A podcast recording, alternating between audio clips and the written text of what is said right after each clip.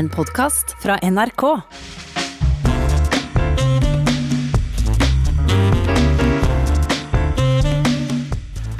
Ja, så er det bare å ønske professor og valgekspert Bernt Årdal velkommen i studio. Det er godt å se deg her. Takk. Og når du dukker opp, så vet mange av lytterne at det skal dreie seg om nettopp eh, valg. Eh, også om det ikke er valgår. For hva for ordninger skal vi ha for å velge våre folkevalgte? Hva forteller ei røst sterkere i Finnmark enn i Oslo? Og hva med den magiske sperregrensa som er så viktig for de minste partiene? Alt dette er spørsmål som det såkalte valglovutvalget har diskutert, og der har du vært med, Bernt Årdal. Og for å begynne med framtida. Nå er 19 fylker blitt til 11 regioner. Hvorfor skal vi likevel velge representanter til Stortinget som om vi fremdeles har de gamle fylkesgrensene? Nei, det er jo et, eh, ikke bare et godt spørsmål, men det har jo også vært et, eh, en hodepine for dette utvalget i de to, to og et halvt årene det har, har arbeidet. Og, og, veldig mye henger på disse valgdistriktene. altså Hvordan man skal på en måte innrette andre deler, henger på det. Så uh, på mange måter så, så, er vi nok havnet i en situasjon, også denne innstillingen nå, at, at vi har ikke egentlig funnet noen løsning på det, fordi at det er så stor uenighet om det. Og selv om man nå sier 19 19 fylker, eller de gamle fylkene, så er det ikke sikkert at det blir 19 valgkretser heller, fordi at eh, Trøndelag har ikke lyst til å splitte seg opp igjen, og Agder kanskje ikke heller, så da er vi kanskje nede i 17 eller 16. Og, og, så jeg er vel det som har som mitt eh, prinsipielle syn at man i, større grad bør følge fylkesinndelingen, den administrative inndeling, eh, hvordan den nå enn vær. Fordi at det er heller ikke snakk, sikkert at det ville blitt elleve hvis vi hadde fulgt den, den, nye fylkesinndelingen. For allerede nå så er det jo de som vil ha omkamp, enten å dele Viken og dele Troms og Finnmark osv. Så, videre. så Så jeg mener at det mest bærekraftige i en sånn situasjon framover, det er å feste det til et mer sånn prinsipp om at det er de administrative inndelingene. Og så er det opp til Stortinget å bestemme hva de skal være, og hvor grensene skal gå.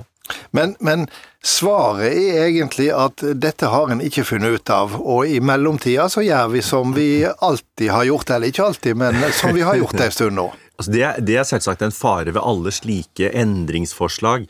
Det er at hvis man er uenig, så havner man ned på status quo. Mm. Og Det er vel noe av det som noen av oss er litt bekymret for også, at det ikke vil skje noe særlig endring i det hele tatt. Valg er jo alvorlige greier. Det er jo selve bærebjelken i et, et demokrati. Eh, men det er ikke så lett å gjøre rettferdig, i hvert fall ikke med millimetermål. Vi har da også hatt mange ulike ordninger her i landet siden vi fikk grunnlova i 1814. For da stemte vel byene for seg og landdistrikter for seg? Ja, det gjorde de helt fram til 52 var da det da at Da snakker vi om 1952. 1952, ja. Fra 1814 til 1952. Så, så, det er en ganske lang periode. Og i, i fram til, eh, til 19, 1906, eh, eller vedtatt i 1905, så hadde vi jo ikke direkte valg heller. Så eh, da hadde vi jo indirekte valg med valgmenn, sånn som alle det man har i USA ved presidentvalg. Vi, det, Hvordan fungerte det? Ja, nei, det, det, var jo enk, det var jo da at man hadde valgforsamlinger, kan man si. Altså Det var valgte representanter til et kollegium, og så var det de, dette møtet, kan du si, da, av gode menn. Det var jo stort sett menn. Og, og da ja, det var ikke alltid alle som var gode heller. Nei, altså, du kan si det at det var vel de som hadde en viss form for status, i hvert fall. Mm. Eh, som, som, da ble valgt ut. Og så bestemte de ved, ved, ved, vanlig simpelt flertall hvem som da skulle få lov å representere på Stortinget. Så da hadde vi jo ikke partiene. Så det var jo utvikling på 1800-tallet hvor partivesenet kom mer. De første partiene ble jo stiftet helt på slutten av 1800-tallet. Og da, etter hvert, så viste det seg at det, det systemet med indirekte valg, det fungerte ikke. Så derfor så endret man det fra valget i 1906. Men dette med før fylkene kom inn i, i, i bildet på, på, på 1950-tallet, da reflekterte vel også det balansen mellom by og land, for det var vel sånn at to tredjedeler av stortingsrepresentantene skulle komme fra bygdene, landdistriktene, og en tredjedel fra, fra, byene. Det var et mm. lite urbanisert Norge. Ja, altså det, det ble jo kalt bondeparagrafen, fordi at det ga liksom bøndene, da, to, to stemmer mot, mot by, byfolket én.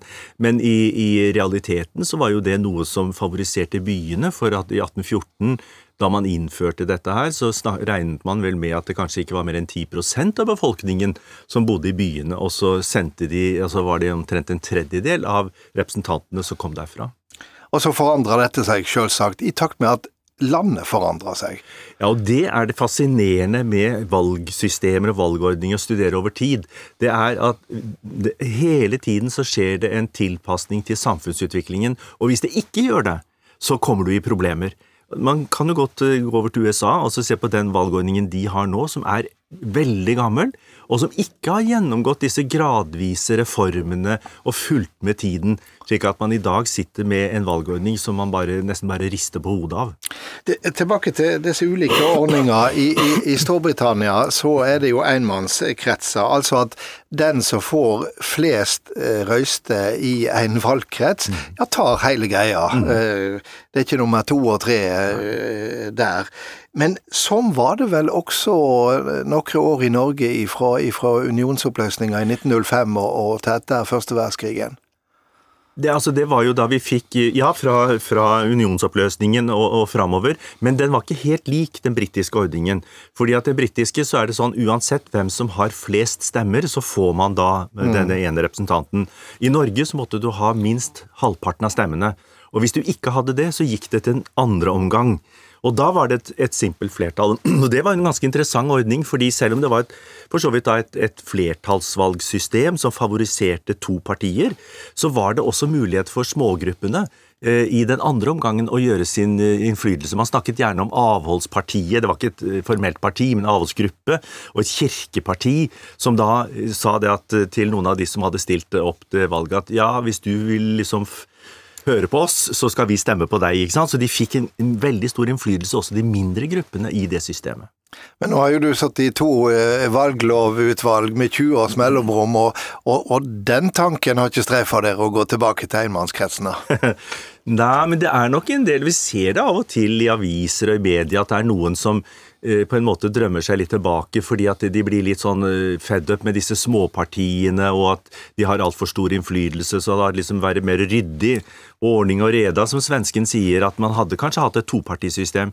Men det de da egentlig ikke eh, kommer på, eller legger så mye stor vekt på, som jeg mener er viktig, det er at det systemet vi har, er et veldig åpent og lyttende system. Slik at det som har vært av nye samfunnsstrømninger, er fanget opp i det politiske, parlamentariske systemet. Og det tror jeg har vært veldig viktig for den høye tilliten som man har til, til, til vårt system. I en del andre land man har holdt liksom fast på dette flertallssystemet, og, og, hvor da tredjepartier kan få veldig mange stemmer og nesten ingen representanter, så er jo tilliten til valgsystemet og til det politiske systemet eh, ganske liten.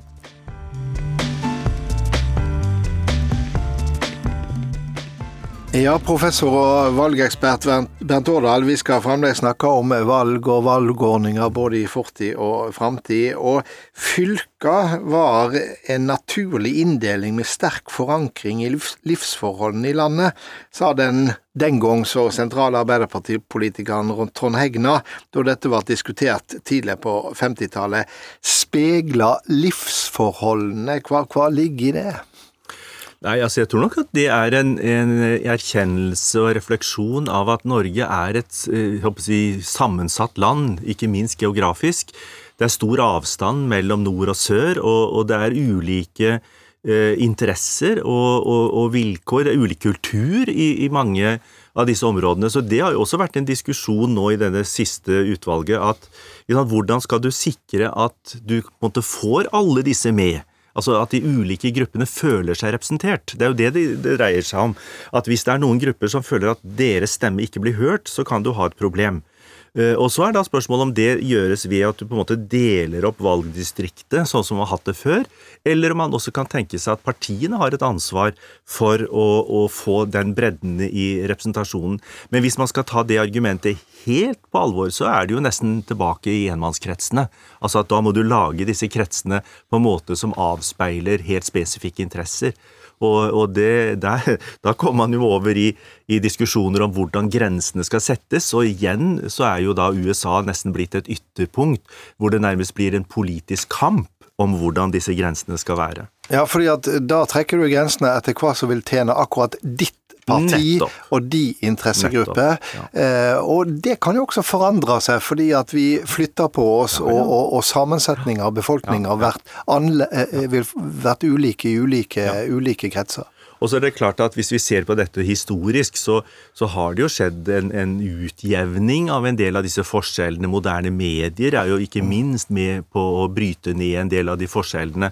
Men fortsatt så er jo denne identiteten veldig sterk. Det er jo, sterk. Det er jo bare å også bla seg tilbake nå i, i, dekningen av disse fylkessammenslutningene, ikke sant? hvor sterke protester det har vært rundt, særlig en del steder. da. Troms og Finnmark er jo et, et godt eksempel på det. Ja, Apropos det, fordi at ei røyst i Finnmark er jo mye mer verdifull enn ei røyst i Oslo, eh, og det er jo en del som reagerer på i debatten. Ja, og, og, hvis vi skulle på en måte trekke fram noen punkter som man internasjonalt også har kritisert den norske valgordningen for, så er jo det et eh, av de punktene. Nemlig at den geografisk Ikke det at det er en geografisk liksom skjevfordeling, det er akseptert, men den er for stor. Mm. Altså, Hvis vi ser folketallet i dag, så skulle Finnmark ha to mandater, og de har fem. Men hvorfor er det sånn? Hvorfor er det riktig etter de mening å holde fram sånn? Nei, altså, jeg mener jo at det er grunn til å se på Dette var jo en del av det som var kompromisset i det forrige valglovutvalget, forrige valgreformen, nemlig at man fikk inn denne arealfaktoren, som er en sånn pragmatisk tilnærming til dette. Den er ikke perfekt, og, og, etter hvert så vil jo kanskje begrunnelsen for den også forsvinne. Men, men det man uh, hele tiden må skal være klar over, er at det er veldig viktig at du har en viss representasjon i, selv i små fylker, for ellers så vil det jo bli voldsomme terskler for ulike partier å bli representert.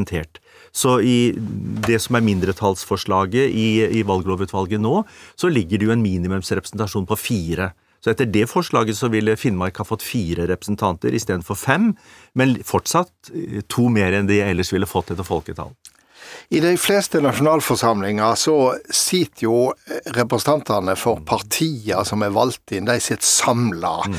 Men her i Norge, i Stortinget, så sitter jo representantene samla fylkesvis. Mm. Det sier kanskje noe om at eh, Tradisjonelt så har heimfylket trumfa partiinteressene. Ja, ja, ja. Det, dette er en lang historisk arv og, og, på mange måter så er det jo paradoksalt, fordi at avstemningen i Stortinget går jo ikke primært etter fylkesgrenser, det går etter partigrensene. Men det henger igjen, og, og den, på en måte, den lokale identiteten er sterk. Og så er det selvsagt ikke bare en identitet til en spesiell del av landet, men du har jo denne sentrum-periferi-konflikten som skjærer igjennom alt, som gjør også sånn at hvis da de ulike delene, distriktene i Norge, forener seg mot hovedstaden, så, så er det kraft i, i, i, den, i, den, protesten og den reaksjonen. By og land, mann mot mann. Nettopp. Du, parlamentet i London, der sitter jo eh, posisjon og, opposisjon rett overfor hverandre. Men det var alltid sånn at, og er det fremdeles, at avstanden skulle være to sverdlengder, sånn at eh, de, de, de, ikke skulle nå hverandre med farlige våpen i en opphissa eh, debatt. Det, det, har ikke vært naudsynt i det norske storting. Nei, men altså når man ser reportasjer fra det britiske parlamentet, så kan det jo være at de har behov for den sverdlengden ennå. For det, det er jo en helt annen Eh, hva skal vi si, temperatur og kanskje aggresjon, virker det som, i det britiske parlamentet. I Norge så er det jo en konsensuskultur. Man finner på en måte Så det å, sammen og det å sitte f.eks. ved siden av hverandre, da, kanskje politiske motpoler, mm. så har de jo da klart å gjøre det i, i, i periode etter periode uten å ryke tottene på hverandre. Så jeg syns jo det er også en verdi av det norske systemet. Og så kan det jo ha litt med å gjøre at eh, det britiske parlamentet er 1200 år gammelt, men vårt er 200. Nettopp. Det var vanligere krigere med sverdslag. Ja, eh, da. Vi må innom dette med sperregrensa, fordi mange land har jo det eh, fordi en ikke ønsker at eh, det politiske systemet skal være for oppsplitta med masse, masse småpartier som har vanskelig for å lage styringsdyktige flertall.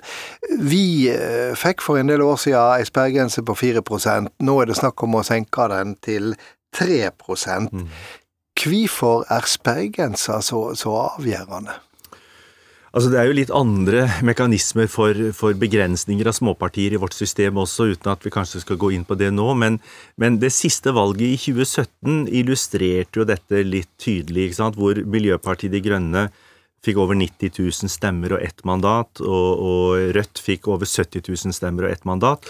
Og, og et parti Og, og tett opp til 2-3-4 Nettopp. Og, og eh, det var jo da Eh, partier som kanskje fikk bare noen titalls eh, flere stemmer, og som fikk mange mange flere mandater. Så det ble liksom litt sånn tydeliggjort. Allerede i den forrige valglovutvalget så var det en diskusjon om den grensen skulle være tre eller fire. Og da er det også, berører det også noe som er en klassiker og gjenganger i sånne diskusjoner ikke bare i Norge, men internasjonalt, og det er mellom proporsjonalitet eller matematisk rettferdighet, som, som eh, man ofte kaller det, og dette med styringseffektivitet eller styringsevne. Og det er jo ikke tilfeldig at de små partiene de er mest opptatt av rettferdigheten matematisk, og de store partiene er da mer bekymret for styringseffektiviteten. Og det så vi jo illustrert her om kvelden i Dagsnytt 18, eh, med Venstres og Arbeiderpartiets representanter som nettopp diskuterte sperregrensen. Um vi må dessverre avslutte, men ganske raskt til slutt. Nå har jo vi nesten snakka som om dette er aktuelt fra eh, stortingsvalget neste år, men sånn er det ikke, Bernt Årdal? Nei, veldig mye av dette er grunnlovsparagrafer som må endres. Og det som da er prosedyren, det er jo at man må fremme disse forslagene eh, innen slutten av september i år. Og så vil de da kunne bli vedtatt i, i neste storting. Så, så, det er jo noe av den prosessen da, som, som vil, vil, kunne gjøre at det kanskje kan, hvis man blir enige om endringer, gjelde fra 2025. Så vi har ei viss tid på oss? Ja, og du, denne sangen som du nevnte, 'Sakte, sakte', det er jo nettopp et sånt eksempel på, på, at sånne prosesser ikke går så veldig fort. Og det er jo faktisk et poeng. fordi at hvis du skal bevare tilliten til regler og institusjoner i samfunnet, så skal det ikke nødvendigvis være brå endringer. Og takk for det, og tusen takk for at du kom, Bernt Årdal. Og så runder jeg av med min faste kommentar. Her er denne vekas Stang inn, stang ut. Det er tragisk å være vitne til at demokratier forvitrer og skifter til en ham der autoritære trekk kommer til syne. Her i Europa ser vi dette i viktige EU-land som Ungarn og Polen, og denne veka har den mektige kinesiske folkekongressen tatt skritt mot å tvinge demokratiske Hongkong inn under kommunistpartiets eh, åk. Det er eh, skremmende, og en kraftig advarsel om hvordan Kina forvalter den stadige økende makta si. Den asiatiske kjempa tåler ikke noen form for eh, opposisjon. Hongkong er i seg sjøl ei unik eh, historie. Den store byen var britisk kronkoloni fram til 1997, ei ordning det da var helt naturlig å avvikle. Byen er et levende finans- og handelssentrum, og den har et aktivt demokrati. Det har vi ikke minst sett gjennom protestbevegelsen, som eh, i hele fjor og langt inn på nyåret prega nyhetsbildet derfra. Avtalen mellom Kina og Storbritannia var bygd på tesen ett land, to system. Det skulle vare i 50 år, helt fram til 2047. Altså skulle ikke det kinesiske kommunistpartiets brutale hand legges på Hongkong i disse åra. Håpet fra britenes side var nok at også Kina etter hvert ville gå i en mer demokratisk retning. Dessverre har det gått motsatt vei, og nå er det demokratiet i Hongkong som skal knekkast. Løfta fra den gangen er ikke verdt noe for Beijing-regimet. Og knekkinga skjer gjennom å legge byen under en ny nasjonal sikkerhetslov. Den skal straffe alle handlinger som kan splitte landet og undergrave statsmakta, som det heter. Vi veit hva det betyr, for dette er en språkbruk autoritære herskere så altfor ofte har nytta for å knekke demokratisk debatt og livskraftig opposisjon. Og lederne i Beijing har vist at det er nettopp det de har for vane å gjøre. Hongkong er langt borte, men byen angår oss likevel, vi kan ikke stille oss likegyldige til det som skjer der for vi er vitne til at et demokrati dør, og det bør, må og skal angå oss. God helg.